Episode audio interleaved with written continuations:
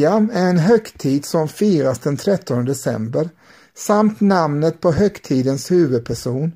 I Sverige markerar Lucia tillsammans med advent inledningen på julfirandet. Den svenska lucian är en blandning av både förkristna och kristna figurer och denna tradition har spridit sig till andra nordiska länder och i viss mån också utanför Norden. Lucia är ett helgon i den kristna traditionen i romersk-katolska kyrkan liksom i den ortodoxa med ursprung från Sicilien. Dagens nordiska Lucia-firandet har dock lite gemensamt med helgonkulten. Namnet Lucia kommer från latinets lux, vilket betyder ljus.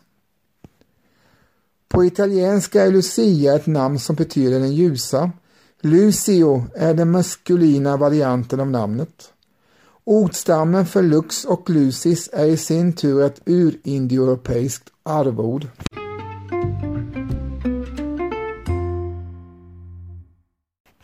Helgonet Lucia föddes i en rik familj på Syrakusa på Sicilien under romartiden cirka 283 efter Kristus.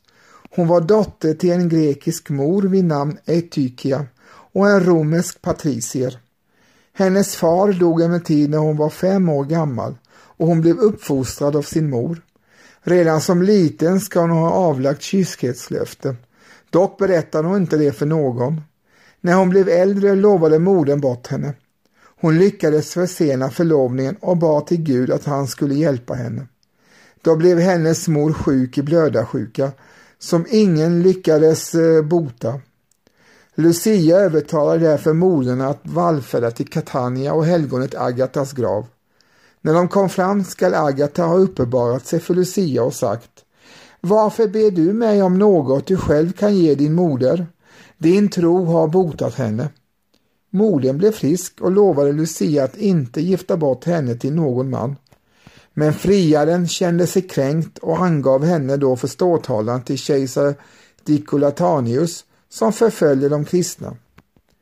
Lucia blev arresterad och torterad men förlorade inte sin tro på Gud.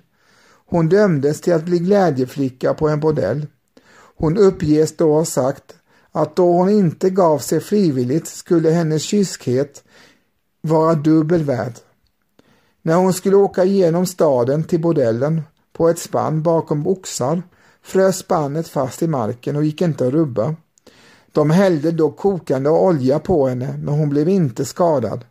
I sin desperation körde någon ett svärd genom halsen på henne men inte heller det hjälpte. Hon levde ända tills någon kom på att ge henne den sista smörjelsen. Lucias reliker förvaras i kyrkan Santa Lucia i Venedig. Kyrkan res 1861 för att beredda bygget av järnvägsstationen där och relikerna flyttades till den närbelägna kyrkan San Geramia där de fortfarande finns att beskåda. Venedigs järnvägsstation bär idag helgonets namn. Venezia Santa Lucia Syrakusas katedral på Sicilien kan man beskåda en av hennes underarmar.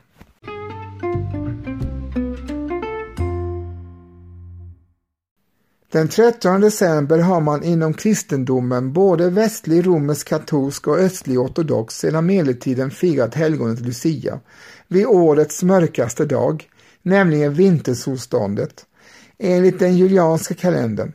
Efter övergång till den gregorianska kalendern infaller dock vintersolståndet den 22 december. Enligt folktron var vintersolståndet den 13 december en farlig natt eftersom man trodde att övernaturliga makter var i rörelse då. Man trodde även att djuren kunde tala under lucianatten. Alla julförberedelser skulle vara klara till luciadagen och det firade man med att äta och dricka lite extra gott. Även husdjuren fick extra foder den natten. Lucia är en av de få högtider i de skandinaviska protestantiska länderna som är namngivet efter ett helgon, Sankta Lucia, skyddshelgonet för Syrakusa som dog på 300-talet. Men namnet på ljushögtiden är en senare företeelse än själva firandet. Lucia-firandet och besläktade traditioner har förändrats genom århundradens lopp och först omkring sekelskiftet 1900 etablerades en gemensam och allmän spridd Lucia-tradition i Sverige. Den moderna svenska Lucia-traditionen har troligtvis en starkare ursprung i Västsverige, Dalsland, Bohuslän, Västergötland och Värmland. Därifrån har den spritt sig över hela Sverige. Under 1900-talet har luciafirandet spritt till andra områden och delar av världen såsom finlandssvenska områden, i Finland, Danmark och delvis i Norge. Under 1920-talet spreds luciafirandet även till USA genom svensk-amerikanska föreningar och kompletterades 1939 med Lucia-tävlingar liknande de i Sverige. På Sicilien, där helgonet Sankta Lucia föddes, finns en Lucia-tradition där barnen lämnar över mat till helgonet samt till en flygande åsna som hjälper Lucia att ge presenter. Om barnen råkar se henne kommer hon enligt sägnen att kasta aska i deras ögon så att de blir tillfälligt blinda.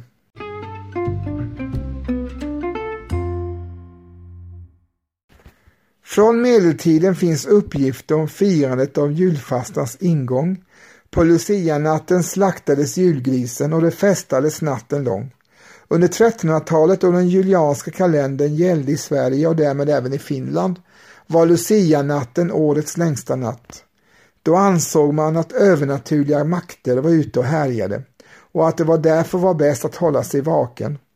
Årets längsta natt var detsamma som midvinter och fungerade som motsvarighet till midsommar. Vid den mörkaste tiden på året i det förkristna Norden besvärjades ljusets makter för att få ljuset att återvända.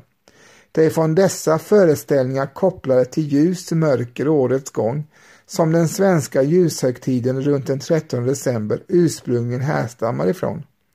Tradition med en ljusbringande kvinnogestalt kan ha sitt ursprung i hednisk ljusgudinna. Luciahögtiden kan därför sägas vara ett exempel på både synkretism och kristianisering. Vintersolståndet var länge i folktron en farlig natt då gårdsfolket gjorde bäst i att hålla sig inomhus och helst inte gå och lägga sig, lussevaka. Vintersolstånd var alltså mörkrets natt, men också inledningen på julen. Grisen skulle vara slaktad den 13 december och inte allt för mycket arbete skulle återstå innan jul. Under 1500-talet och 1600-talen inträffade vintersolståndet midvinter runt den 11 december. Genom förskjutningen vid införandet av den gregorianska kalendern blev lucianatten inte längre årets längsta natt utan vintersolståndet midvinter inträffar nu istället den 21 eller 22 december. Men i folktron levde 13 december kvar som årets längsta natt, då man skulle hålla sig inomhus, stanna uppe och vaka, kanske, om man var ung, gå sång och tiggarrundor i de kringliggande gårdarna och då ljus och mörker hade en särskild betydelse. Traditionen att fira ljus och mörker vid midvinter levde alltså vidare in i 1600-talet och 1700-talets bondesamhälle. Luciadagen kallades på sina håll lillejul och ansågs också vara den dag då bak, trösk och brygd skulle vara avslutade för året. Firandet var vanligast runt Vänern i sydvästra Sverige, det vill säga Bohuslän, Västergötland, Dalsland och Värmland. Exakt varför den geografiska fördelningen såg ut så vet man inte och mer forskning på området behövs. Dock är det klart att liknande traditioner förekommit i östra Norge, där Lucia midvinter i folktron gått under beteckningen Lussinatt, med en mängd föreställningar om övernaturliga krafter kopplade till midvinternatten.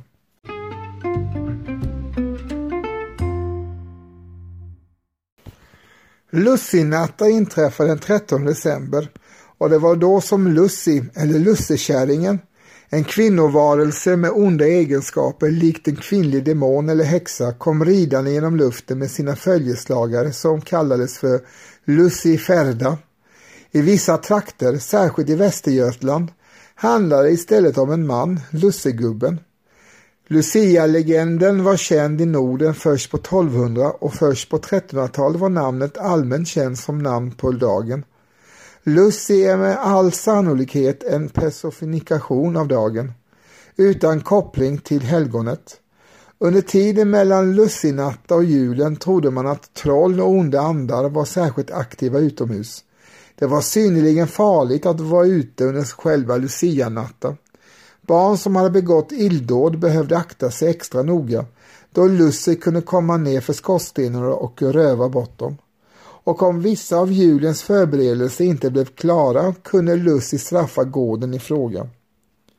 Olof Rudbeck den äldre gjorde i sin Atlantica ett försök att koppla föreställningen mellan Lucy och den grekiska mytologins Demeter.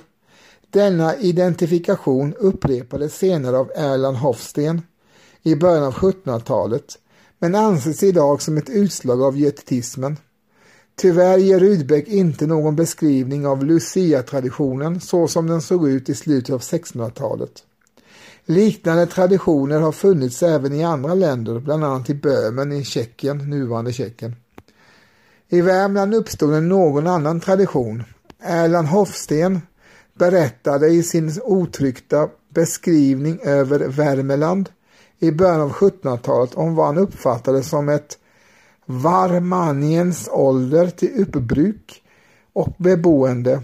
I det kan giva vid handen denna fest här hava satt sig före någon annan ort av Svea eller Göta, emellan dig om ej ens hört, men det emot den sedan av Hedenös har varit brukat. Tyvärr ser ingen utförligare beskrivning av vad festen gick ut på. Hofstens teori om festens hedniska ursprung är dock med all förmodan överdriven. I den första tryckta Värmlandsbeskrivningen, Erik Fornoffs beskrivning över Värmeland 1773 ges dock en fylligare beskrivning av Lucia-traditionen i Värmland. Man skall den dagen vara uppe och äta bittida om åttan. Hos somliga tör och ett litet rus slinka ner på köpet. Sedan lägger man sig att sova och därpå ätes ny frukost. Hos bönderna kallas denna äta lussebete, men hos den förnämna firar man lusseotan. Medan Hofsten beskrev seden som endast förekommande hos allmogen säger Fernov att den förekom även på herrgårdarna. Den verkar även ha spridit sig utanför Värmland. 1791 firades Lucia vid den värmländska nationen i Lund. Prosten C. från Nyman berättar i den otryckta Märkvärdigheter ute i Ingelstads härad från en resa i Västergötland 1764 hur han då stötte på den för honom helt okända Lucia-traditionen. Rätt som jag låg i min bästa sömn hördes en vokalmusik utanför min dörr, var jag väcktes. Strax därpå inträdde först en vitklädd fruntimmer med gödel om livet, liksom en vinge på vardera axeln. Stora tända ljus i var sin stora silverljusstake som sattes på bordet och strax därpå kom en annan med en litet dukad bord försedd med allehanda kräseliga och ärtliga våtvaror som nedsattes mitt för sängarna. Det är lussebete. Det är den första kända dokumentationen av något som kan liknas vid en lucia. 1791 firades luciadagen på Åkerö slott enligt hävdvunnen sed. Ebba Sparre har beskrivit i ett brev till sin syster hur hon väcktes av fiolspel och då hon öppnade ögonen fick se två av tjänsteflickorna med förvaltarens dotter och en hushållerska komma in i kammaren, helt vitklädda med blomstergirlanger på huvudena och bärande mellan sig ett slags altare med en korg i guldpapper och med 16 brinnande ljus.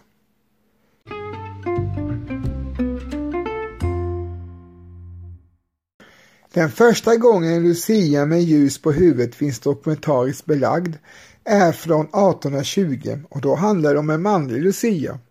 En bruksinspektor i Skinnskatteberg berättar då sex rätter vore förtärda och endast den sjunde kakan återstod överraskades gästerna av en egendomlig syn. Dubbeldörrarna till förstugan uppslogs och in trädde en dräng klädd i vit lakan med en krans av ljus på huvudet och bärande en väldig bål med glöggus. Egentligen borde det ha varit en tjänsteflicka, ty han skulle föreställa Sankta Lucia. Men förmodligen för bördans skull hade därtill i senare tider tagits en karl. En manlig Lucia verkar dock inte ha varit helt unikt.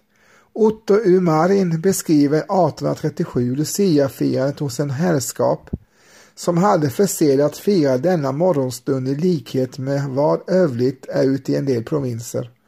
Vid mitten av 1800-talet börjar Lucia-traditionen att sprida sig allt mer, då främst i de västsvenska landskapen, inklusive Göteborg och västra Bergslagen. Möjligen har Lucia som en flicka med ljus i håret influerats av den tyska tradition med Christinkinden eller Kinkenjes. Seden har bland annat förekommit hos estlandssvenskar och Sofie von Knorring har i sina memoarer berättat att man i hennes mormors hus tidigare hade en Kinkenges som överlämnade julklapparna för att eh, 1807 ersättas av julbocken. På ett tyskt kopparstick från 1700-talet visas Das Christensbechernes Order, de förliche Morgen, med en figur med en ljusstrålande krona på huvudet och ett ljus i vardera handen som liknar vår Lucia. I Stjärngossespelen i Västra Närke beskrivs 1884 en ljusskottsbärare som uppträder i en rund mössa av röd och vitt papper med kulle. Ut i densamma sitta fyra ljusstakar med ljus uti. Han var även vitklädd med ett rött band om livet.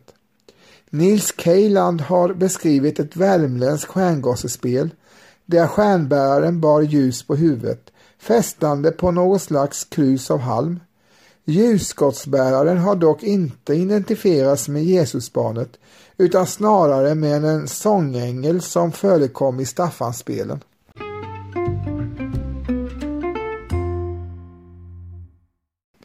Ett annat ursprung för Lucia-traditionen är troligen även de lekbrudar som förekommit i flera landskap. Det vanligaste är att de förekommer under vårtiden som pingstbrud, majbrud, midsommarbrud och blomsterbrud. I Västergötland har pingstbrudar varit vanligast. Liknande har dock förekommit även under vintertid. Louise Hagberg har dokumenterat en uppteckning som trettondagsbrudar i Virserums socken i Småland och i Österbottens svenskbygder har tjugondags knutsbrudar förekommit. En liknande tradition har spårats i Tvärreds socken i Västergötland där man på knutdagen klädde en pojke till brudgum och en flicka till brud. I Kville i norra Bohuslän har samma sed spårats till tjugondagen och till Felixdagen den 14 januari. Ungdomarna har i sin egen tradition på årets längsta natt. Det var att dra runt mellan gårdarna i grannskapet och sjunga visor för att på så sätt få pengar och gåvor att skämta och skrämmas lite. Ofta sjöngs några av de många Staffansvisorna som i sista versen ofta har en anspelning på brännvin eller gåvor, vilket man ville ha från gården man sjöng för. Samma fenomen uppträdde på valborgsnatten och då de kallades att sjunga maj. Såväl tiggar skämtsången kring Lucia som att sjunga maj har alltså överlevt in i våra dagar, fast i förändrade former. Man firade såväl hos allmogen som på herrgårdarna med mat och dryck. I herrgårdsmiljöerna uppstod under tidigt 1800-tal en tradition med att en vitklädd kvinnogestalt ingick som en del i vakandet. En av gårdens kvinnor klädde sig vitt och fick bära en ljuskrans i håret. Traditionen tros ha kommit under sent 1700-tal från Tyskland, där en kvinna kläddes upp för att vara kristen Kindelin, med tända ljus i håret som föreställer en gloria. Den ljusa Lucia-gestalten kan således ursprungligen ha kopplingar till bilden av Jesusbarnet i krubban. Traditionen med en ljusklädd kvinnogestalt växer sig allt starkare i herrgårdsmiljöerna kring Vänern under 1800-talets första decennier. Därifrån började den under mitten av 1800-talet sakta sippra ut i andra sammanhang, till exempel till universitetets studentmiljöer, men också till allmogen i Vänerslandskapen. Såväl heliga Lucias helgondag den 13 december som namnet på Lucifer, som sades vara särskilt aktiv den natten, ligger nära latinets ord för ljus. Men sedan att högtidlighålla och besvärja solens återkomst har snarare förkristna rötter. Det röda sidenband som Lucia numera har om midjan sägs symbolisera Lucias martyrdöd. Serien att gå runt bland hus i grannskapet är ett arv från äldre tiders staffarsjungningar som förekom både på landet och i städerna. Där jänkar men även den vanliga yngre landsortsbefolkningen gick mellan husen för att samla in pengar. Staffanshungningar hörde ursprungligen hemma den 26 december men i samband med att Luciafirandet på Skansen infördes kombinerades inslag från Staffanshungningar i Luciafirandet. Samtidigt har man på Skansen tidigare fram till åtminstone på 1970-talet haft stjärngossar som sjöng i stugor och på restauranger under perioden annandag jul och till och med trettondagen. Dessa stjärngossar sammanslöt sig även i kamratföreningen Föreningen Skansens stjärngossar. Det har också spekulerats i om de otaliga Staffansvisorna och det ivrigt omtalande av Staffans hästar kan dölja en äldre förkristen hästkult omvandlad till en mer passande Staffan stalledräng. Teorier om att Staffa inte skulle vara kopplad till jänketraditionen utan istället ha fornnordiska, hedniska anor framfördes av Olof Broman på 1700-talet. Dessa teorier är dock sedan mitten av 1800-talet utarrangerade som orimliga.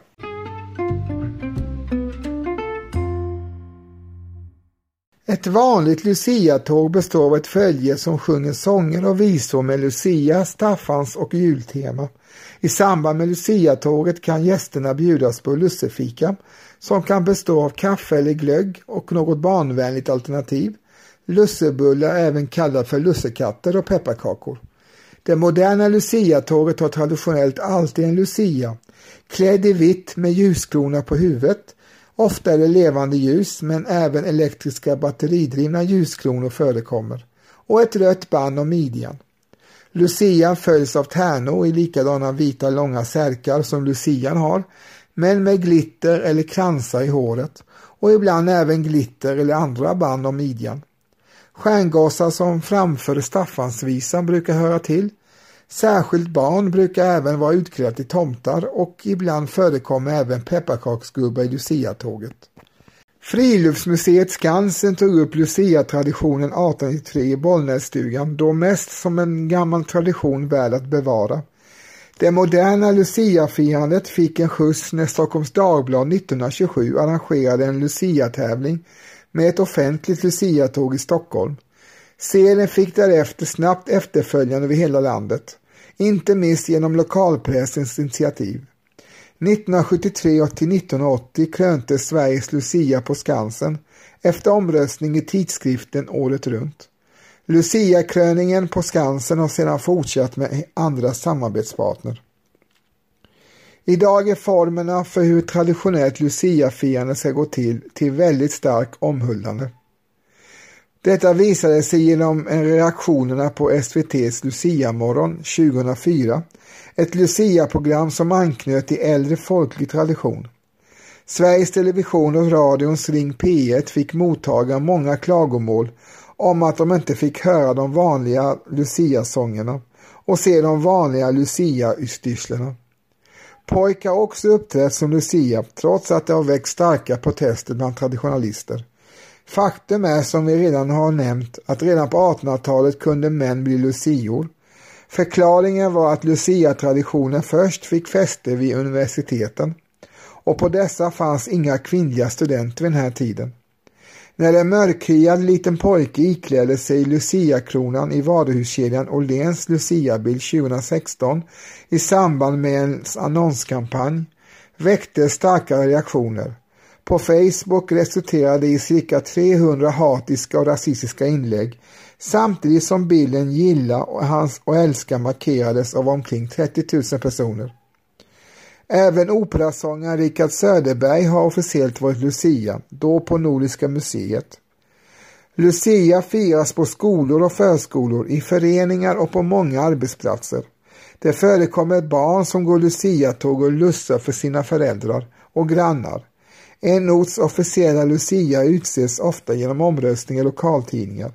Den största årliga Lucia-konserten äger rum i Globen i Stockholm, där Adolf Fredriks musikklasser, Stockholms musikgymnasium och Stockholms läns blåssymfoniorkester spelar och sjunger. Detta Lucia-tåg har bland annat blivit omnämnd i Guinness rekordbok som världens största med över 1200 medverkande. För den svenska polisen kan högtiden innebära flera ingripanden i samband med ungdomsfylleri. För att motarbeta detta har man i bland annat i svenska städer börjat arrangera så kallade nattbio istället. Det är tradition på Grand Hotel i Stockholm att bjuda Nobelpristagarna, de som har stannat kvar i Stockholm efter Nobelprisutdelningen den 10 december, för att delta i den andra Nobelarrangemang på ett Lucia-tåg på morgonen den 13 december. Italienaren Dario Fo, nobelpristagare i litteratur 1997, dansade runt och sjöng duett med Lucian, då med italiensk text.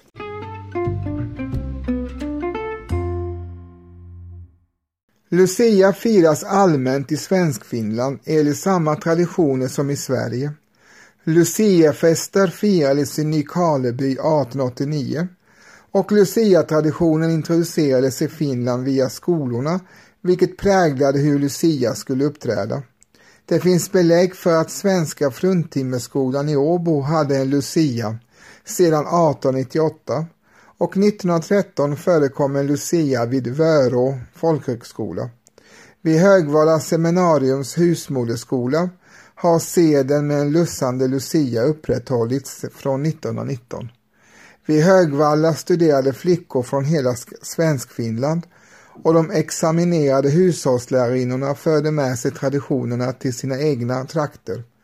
Lucia-traditionen i Finland är resultatet av en medveten lansering under de språkpolitiskt turbulenta tiderna på 1920 och 1930-talen fungerade Lucia som en identitetssymbol för de svenskspråkiga i Finland eftersom hon redan var en svenskhetssymbol i Sverige. Från 1930 fördes Lucia aktivt ut via Lucia-processioner eller karnevalståg i flertal städer. Finlands första nationella Lucia korades år 1936 av föreningen Brage i Vasa. I den officiella Finlands Lucia väljs sedan 1950-talet i en omröstning som ordnas av Samfundet Folkhälsan, tidningen Huvudstadsbladet och Svenska Yle och hon kröns i Helsingfors domkyrka. Därefter kör kortegen genom centrala Helsingfors. Samtidigt har många svensk och tvåspråkiga kommuner egna lucior och i många finlandssvenska dagstidningar röstas lokala lucior fram, ofta i samband med penningsinsamling för välgörande ändamål. Daghem och skolor ordnar egna luciatåg, även på fester, föreningsfester och julfester och i hemmen är det vanligt med lucia. På grund av att Lucia medvetet gjordes till en identitetssymbol för det svenska i Finland har traditionen inte slagit igenom på bred front på finska, även om Lucia-traditionen också förekom i skolor och på julfester på finskspråkigt håll. I Danmark firades Lucia-dag för första gången officiellt den 13 december 1944 som en direktimport från Sverige på initiativ av Frans Wend sekreterare i föreningen Norden. Det var då ett försök att bringa ljus i en tid av mörker. Det blev en protest mot Tysklands militära ockupation av Danmark under andra världskriget, vilket var som egentligen såg som mörkret snarare än det astronomiska mörkret som rådde under årstiden. Men Lucia har sedan dess blivit tradition. På danska sjungs en egen fri översättning av den svenska Lucia-sången. Även till Norge och till någon mån Island har den svenska Lucia-traditionen spritt sig. Men det är i första hand fråga om underhållning vid officiella arrangemang eller fester på daghem, mer sällan i hemmen. I delar av Italien förekommer en Lucia-tradition som helt skiljer sig från den svenska. Reliken av helgonet Lucia förvaras i Venedig. I Syrakusa på Sicilien där Sankta Lucia är skyddshelgon genomförs firanden av heliga Lucia den 13 december samt i maj. Sedan några år brukar också en Lucia och några tärnor av svenska typ delta i Sankta Lucias procession i Syrakusa. Helgonet Lucia är även populärt bland barn i vissa delar av nordöstra Italien, där hon ger presenter till snälla barn och kol till stygga barn. Helgonet Lucia, Sankta Lucia, firas den 13 december i många delar av nordöstra Italien, i de områden som historiskt tillhörde republiken Venedig. I denna tradition som härstammar från 1300-talet kommer Lucia med gåvor till barnen. Hon kommer under natten på en vagn dragen av en åsna och använder skorstenen där barnen lämnar morötter för åsnan. I provinsen Bergamo kommer Lucia med åsna och vagn mitt i städernas centrala torgen och delar ut gåvor till barnen. Ni har precis hört mig, Nicky Grozanowski, läsa och berätta lite om våra dagars Lucia-tradition som har formats genom historiens gång och om dess ursprung. Lucia-traditionen är ju verkligen ett exempel på hur ett samhälle formas genom ett mångkulturellt inslag. Man tar lite från den förkristna tiden vi hade innan vi blev katoliker på medeltiden och eh, helgonet Lucia kom till vår kännedom. Och sen när vi blev protestanter på 1500-talet och 1600-talet och framåt tappade liksom all den här katolska helgontron men behöll ändå lucian. För dagens luciafirande har inte mycket gemensamt med eh, det tidigare firandet. Mer än att ursprunget är ju detsamma. Så när dag, man idag eh, gnäller och klagar på att eh, traditionen inte får ändras så ska man komma ihåg att det gör den ju ständigt.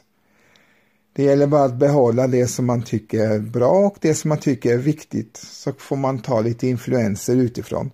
Som till exempel Kinkenjes som man tror är ursprunget till dagens ljusdrottning vi har idag.